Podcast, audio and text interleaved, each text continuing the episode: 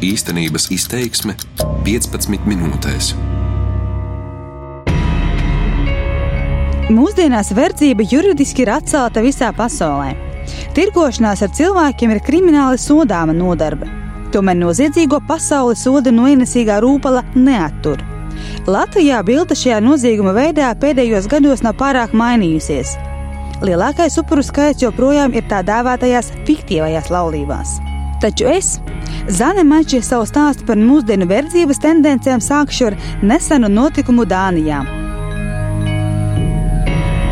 Okay, so this case started out in 2014. It started out Šī izmeklēšana sākās 2014. gadā. Sākumā mēs nedomājām, ka šī būs cilvēku tirzniecības lieta. Sākumā to izmeklējām kā laupīšanu. Dānijas policijas inspektors Anders Marville rāda vairākas aizklātas vīriešu sejas. Pirms prezentācijas policists piekodina. Viņa pētītajā lietā izmeklēšana vēl turpinās. Tāpēc arī ārvalstu mēdījiem jāuzmanās, stāstu publicējot.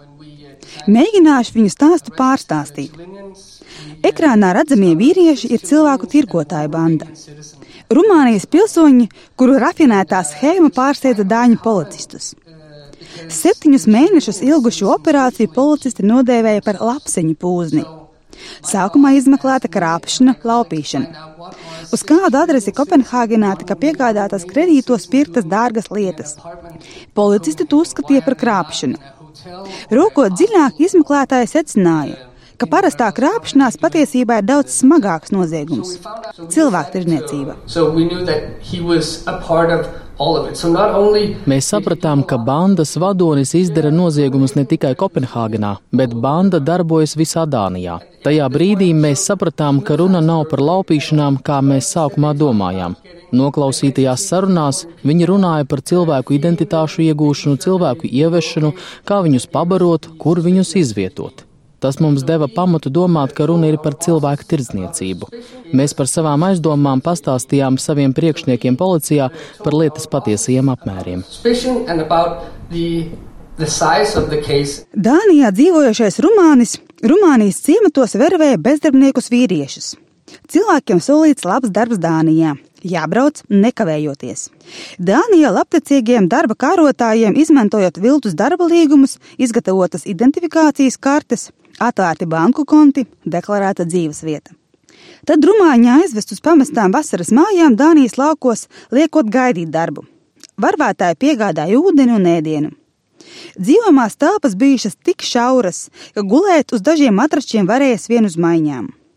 Tikmēr ļaundari dokumentus un bankas kartes izmantoja, lai ņemtu ātros kredītus, pirktu dārgas lietas, telefonus, mašīnas, dārgus rokas pulksteņus. Atvestie pašiem nezinot, kļuva par fiktīvu uzņēmumu direktoriem, kuri izmantoti, lai krāptos ar nodokļiem atmazgātu naudu. Vidēji viens rumānis Dānijā pavadīja trīs mēnešus. Viņam paziņoja, atvaino darba nav, par gaidīšanu samaksāja vidēji 500 eiro un cilvēks aizvests mājās. Viņa vietā meklēts jauns upuris. Schēmā kopumā par cietušajiem atzīta 300 rumāņi. Par cilvēku tirzniecību un citiem noziegumiem arestēti 98 viņu tautieši un divi dāņi. Grupējumā aizturēšanā piedalījušies te 400 policistu. Morvīle saka, šis stāsts demonstrē, cik daudz ceļu ir cilvēku tirzniecībai. Zviedru prokurors Tomas Ahalstrāns, kurš pēdējos gados specializējies tieši cilvēku tirzniecības lietu izmeklēšanā, saka, Mūsdienās šis noziegums nevienmēr nozīmē organizēto noziedzību. Parasti upuris un noziedznieks ir pazīstami un nelaimē nonāk, jo uzticas vervētājam. The perpetrators and the victims Noziedznieki un upuri vienmēr ir no vienas valsts. Nekad nav tādu gadījumu, kad cilvēku tirgotājs ir zviedrs, bet viņa upuri ir ārvalstnieki. Nav tādu gadījumu, kad, piemēram, ir cilvēks no Nigērijas ar rumāņu prostitūtu vai kādas citas nacionālitātes pārstāvi bandā. Upuri un noziedznieki vienmēr nāk no vienas valsts, bieži pat no viena ciema. Visizplatītākās cilvēku tirzniecības formas ir iesaistīšana seksuāla pakalpojumu sniegšanā. Taču pēdējos gados radušās arī jaunas šī nozieguma formas. Piemērs ir sākumā minētā cilvēku iesaistīšana noziegumos, upuru personas datu izmantošana. Pieaug gadījumi, kad upurus iesaista piespiedu jeb vergu darbā. Skandināvijas pieredze rāda, ka bieži tas ir fizisks darbs. Cilvēki tiek eksploatēti fermās, būvniecības nozarē, lauksaimniecībā un citur. Prokurors gan atzīst, ka piespiedu darbs ir cilvēku tirzniecības forma, kuru ir visgrūtāk identificēt. Cietušie nereti neapzinās, ka ir upuri, jo nāk no liela trūkuma un ir apmierināti, ka viņiem ir pajumta, ēdiens, neliela samaksa. Prokurors nereti saskaras arī ar civilizētā pasaulē neeksistējošu dzīves uztveri. Socioloģija ir termins, kurš paskaidro, kā senāk izskatījās sabiedrība. Laikos, kad tā balstījās uz tradīcijām, uz uzskatu, ka cilvēks nav personība, bet gan ģimenes loceklis, klana pārstāvis, ka tu neesi indivīds ar brīvu gribu, Var teikt, ka noziedznieki ir augstākas klases cilvēki šajā sabiedrībā, bet upuri - zemākas kārtas cilvēki. Upuris var nesaprast, ka viņa brīvā griba tiek apspiesta. Viņš var nesaprast, ka viņam ir izvēles iespējas, jo, ievērojot tradīcijas, viņam ir jāpakļaujas augstāk stāvošajam. Šajā sabiedrībā augstāk stāvošais savu rīcību arī mēdz neuzskatīt par noziegumu, jo viņa rīcība ir balstīta tradīcijās - nodrošināt vergam pajumti, ēdienu un izmantot viņa darbu savām vajadzībām. Salīdzinoši jauns veids Baltijas jūras reģiona valstīs, sevišķi Skandināvijā, ir piespiedu ubagošana. Tieši ubagošanā iesaistītie nereti viņu sabiedrībā tiek uzskatīti par zemākas kārtas cilvēkiem, kuri pakļaujas saimniekam, arī naudu atdot viņam. Vecākā padomniece un darba grupas cīņai pret cilvēku tirniecību vadītāja Baltijas jūras valstu padomē Vineta Politside stāsta.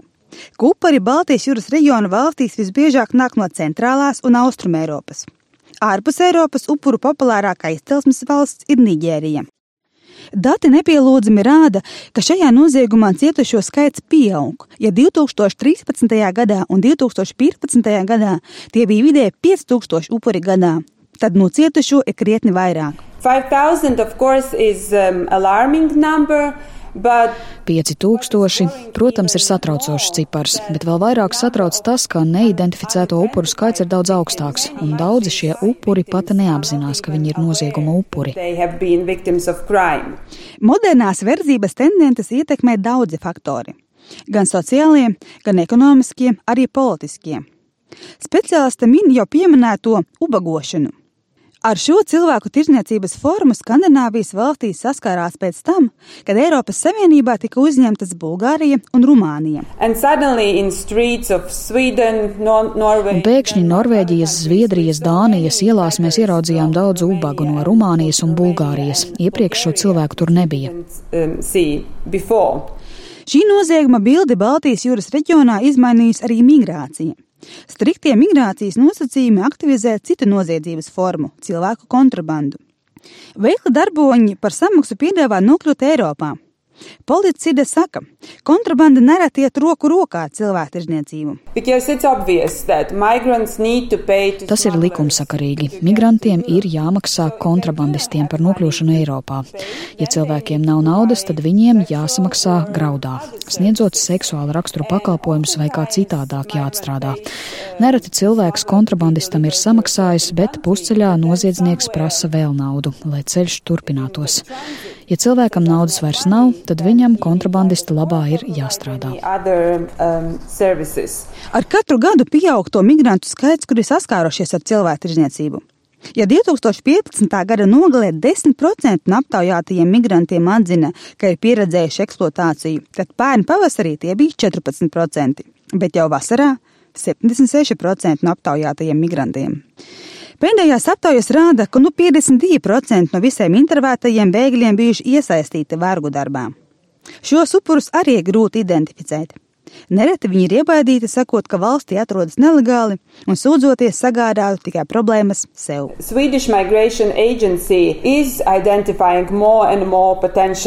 Zviedrijas migrācijas pārvalde atklāja ar vien vairāk iespējamos cilvēktirdzniecības upurus starp migrantiem. Piemēram, 2015. gadā viņi identificēja 195 iespējamus upurus, 2016. gadā jau vairāk kā 300, ieskaitot teju 100 nepilngadīgos. Pieaugums novērojams vērojams arī šī gada pirmajā pusē.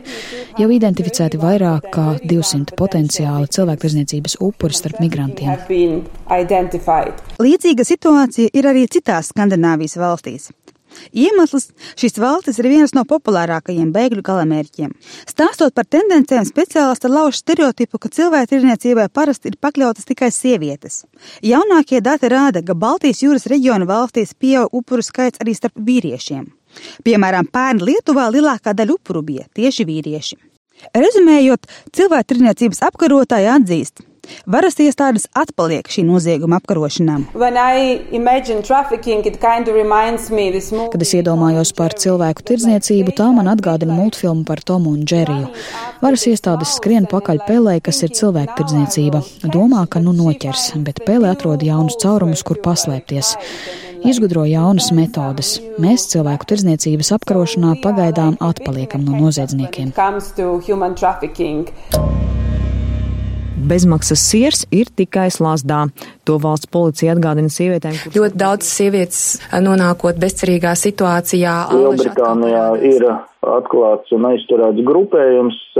Nu pat pirms mēneša Latvijas policija sadarbojoties ar kolēģiem Lielbritānijā atbrīvoja desmit Latvijas pilsoņus, kurus svešumā bija paverdzinājuši tautieši. Cilvēki strādājuši rūpnīcā, par darbu saņemot knapu atalgojumu. Vargu darbs gan nav biežākā cilvēktirniecības forma, kurā iekļūst Latvijas iedzīvotāji. Polacide saka, tendences Latvijā šajā jomā nav daudz mainījušās. Latvijā pēdējo gadu laikā mēs neesam novērojuši kaut kādas cilvēku tirdzniecības, tās tendences būtu kaut kā izteikti mainījušās. Um, ir pieaudzis um, gadījumu skaits, kad cilvēki tiek eksploatēti piespiedu darba nolūkā, ir vairāk uh, vīriešu cilvēku tirdzniecības upuri, fiktīvās laulības um, ir šobrīd tāda aktuālākā cilvēku tirdzniecības forma, lielākais upuru skaits tieši eksploatēt šajā cilvēku tirdzniecības formā, bet kaut kādas eh, krasas izmaiņas mēs vismaz neesam novērojuši. Par fiktīvajām laulībām sās gadījums, kad jaunas sievietes apracas ar trešo valstu pilsoņiem, lai viņi varētu legāli uzturēties Eiropas Savienībā. Dati rāda, ka Latvijā kopš 2000. gada vairāk kā tūkstoši sievietes bijušas iesaistītas šajā cilvēktirdzniecības formā. Lielākoties laulības slēgtas ar iebraucējiem Īrijā, Lielbritānijā un Kiprā. Parasti laulības sievietēm beidzas ar seksuālu izmantošanu, piespiedu prostitūciju. Prostitūcijā iesaistītās sievietes visbiežāk tiek pakļautas cilvēktirdzniecības riskam, uzsver Igaunijas sociālo lietu ministrijas pārstāve Kristīne Lukta. Nevar apstādināt cilvēku tirdzniecību, vispirms netiekot galā ar prostitūciju. Jo nekad nebūs pietiekami daudz sieviešu, kuras labprātīgi piekritīs iesaistīties prostitūcijā. Pieprasījums vienmēr būs lielāks. Luhta saka, sabiedrībā maldīgi valda uzskats, ka prostitūcija ir sievietes izvēle. Pētījumi rāda, ka šajā rūpalā visbiežāk iesaistās sievietes, kuras no seksuālās vardarbības cietušas jau agrā bērnībā. Es tagad nolasīšu sievietes, kura kopš bērnības bija iesaistīta prostitūcijā liecību. Mana māte nomira, kad man bija seši mēneši. Viņai bija tikai 16 gadi, un es neesmu uzzinājusi, kāpēc viņa nomira. Mana vecmāma, kura ļoti mīlēja alkoholu, nemācēja mātes nāves iemeslus man, pieaugušai, paskaidrot. Pēc mātes nāves vecmāma par mani rūpējās. Viņa nebija slikts cilvēks, bet viņai bija problēmas ar alkoholu. Viņa veda mājās pudeles brāļus no bāriem. Pēc tam, kad viņa piedzērās un izslēdzās, šie vīrieši sāka uzmākties man. Tas sākās, kad man bija četri vai pieci gadi. Tas notika regulāri. Es pa logu bieži vēroju sievietes spīguļojošās kleidās, gariem matiem stāvam uz ielas. Es nezināju, ko viņas dara. Es tikai domāju par viņu mirždumu. Kā maza meitene, es arī gribēju tādas spīguļojošas kleitas. Reizes pajautāju vecmāmai, ko tās sievietes dara. Viņa man atbildēja, ka šīs sievietes vīriešu priekam novelk savas apakšbiksītes un par to saņem naudu. Atceros, ka nodomāju, es arī varētu to darīt, jo vīrieši jau tāpat regulāri velk nost manas apakšbiksītes.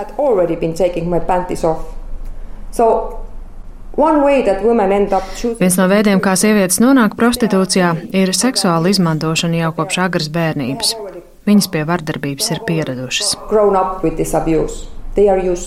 Latvijas iekšlietu ministrijas pārstāve, kura strādā cilvēktirdzniecības apkarošanas jomā, Lāsma Stabiņa saka, prostitūcijas cēloņi Latvijā ir tieši saistīti arī ar cilvēku dzīves līmeni. Jā, tie cēloņi būtībā ir saistīti ar, ar iedzīvotāju labklājību, ar iedzīvotāju dzīves kvalitātes uzlabošanu, ar iespēju pilnveidošanu, lai novērstu faktorus, kas rada attiecīgi tādas situācijas, ka cilvēki nonāk šajā cilvēku tirzniecībā. Seksuālās izmantošanas jomā Latvijā ir arī iekšējās cilvēku tirzniecības gadījumi. Stabiņa saka, jaunas meitenes no laukiem atved uz galvaspilsētu solot darbu, bet viņas nonāk bordeļos. Igaunijas sociālo lietu ministrijas pārstāve retoriski jautā, Ja prostitūcija ir izvēle, tad kāpēc šo karjeru izvēlas sievietes no Āfrikas, Āzijas, Austrumēropas, Latīņamerikas? Kaut kāda iemesla dēļ tu neredz dāņu sievietes nodarbojamies ar prostitūciju Tallinā vai Viļņā. Kāpēc? Vai arī Igaunijas Lietuvas gaiss ir citādāks, vai mūsu dzeramajā ūdenī ir kādi piemaisījumi, kas mūsu sievietes ietekmē? Protams, ka nē. Iemesli ir nabadzība, diskriminācija un vardarbības pieredze agrā bērnībā. Saliekot šīs lietas kopā, rodas ideāls upuris. Uh, Latvijā virkne lietu jau ir sakārtotas, piemēram, fiktīvās laulības ir krimināla sodām darbība. Tomēr Latvija joprojām ir viena no upuru izcelsmes valstīm. Kas ir tie mūsu valsts iedzīvotāji, kuri iekrīt noziedznieku lamatās? Stabiņa aicina cilvēku tirdzniecības upurus nenosodīt. Nereti tas ir izmisuma solis, bieži uzticēšanās tuviniekam, kurš sola vieglu peļņu. Stabiņa piekrīt kolēģiem no Igaunijas, ka cīņu ar cilvēku tirzniecību var uzvarēt vien tad, ja cīnās ar prostitūciju. Tāpēc Latvija ir atvērusi prostitūcijas ierobežošanas likumu, plānojot tajā izmaiņas. Piemēram, būs aizliegts pirkt prostitūcijas pakalpojumus no personas, kas jaunāka par 25 gadiem. Šobrīd vecuma ierobežojums ir 18 gadi. Apkopojot pieejamos pētījumus par personas brieduma pakāpi, tad uh, visos šajos izdevumos vairāk vai mazāk tika uzsvērts, ka cilvēks to briedumu, kad viņam ir nostiprinājusies šī lemtspēja un, un spēja izdarīt nu, izsvērtus lēmumus par savu dzīvi, ko viņš vēlas darīt un kā dzīvot, tas ir tomēr tie 23, 25 gadi. Mēs ar šo likumu gribam panākt to, ka līdz 25 gadiem Latvijā ar prostitūciju nenodarbojas. Domās arī par seksa pircējiem. Latvija ir nolēmusi sekot Zviedrijas piemēram, kur pircējiem ir iespēja iziet sociālās korekcijas kursus. Gribam paredzēt, ka pakalpojumu pircējiem ir īpašā uzvedības korekcijas programma. Tie ir pakalpojumi, kas šim pakalpojumu pircējiem tiek nodrošināti, lai cilvēks spētu risināt kaut kādas savas psiholoģiskās problēmas. Jo, jo ja tā padomā, kāpēc cilvēki pērk seksuālos pakalpojumus. Nu, acīm redzot, viņiem arī ir dzīvē savas problēmas, kas viņus uz to mudina. Tāpēc arī tas ir valsts pienākums ne tikai sodīt šos cilvēkus, bet arī viņiem palīdzēt. Tiesa, tā būs pircēja brīvprātīga izvēle. Plānots, ka stingrāks prostitūcijas ierobežošanas likums spēkā varētu stāties pēc trim gadiem. Tikmēr speciālisti mudina cilvēkus nepieņemt pēkšņus darba piedāvājumus, pāris dienas padomāt, neparakstīt līgumus bez to izlasīšanas vai svešvalodā uzrakstītos, jo bezmaksas sirs ir tikai pēduslasdā. Raidījumu īstenības izteiksme veidoja Zane Mača, par labskaņu gādāja Renārs Šteimanis. Darbības vārds īstenības izteiksmē izsaka darbību kā realitāti. Tagatnē, pagātnē vai nākotnē, vai arī to noliedz.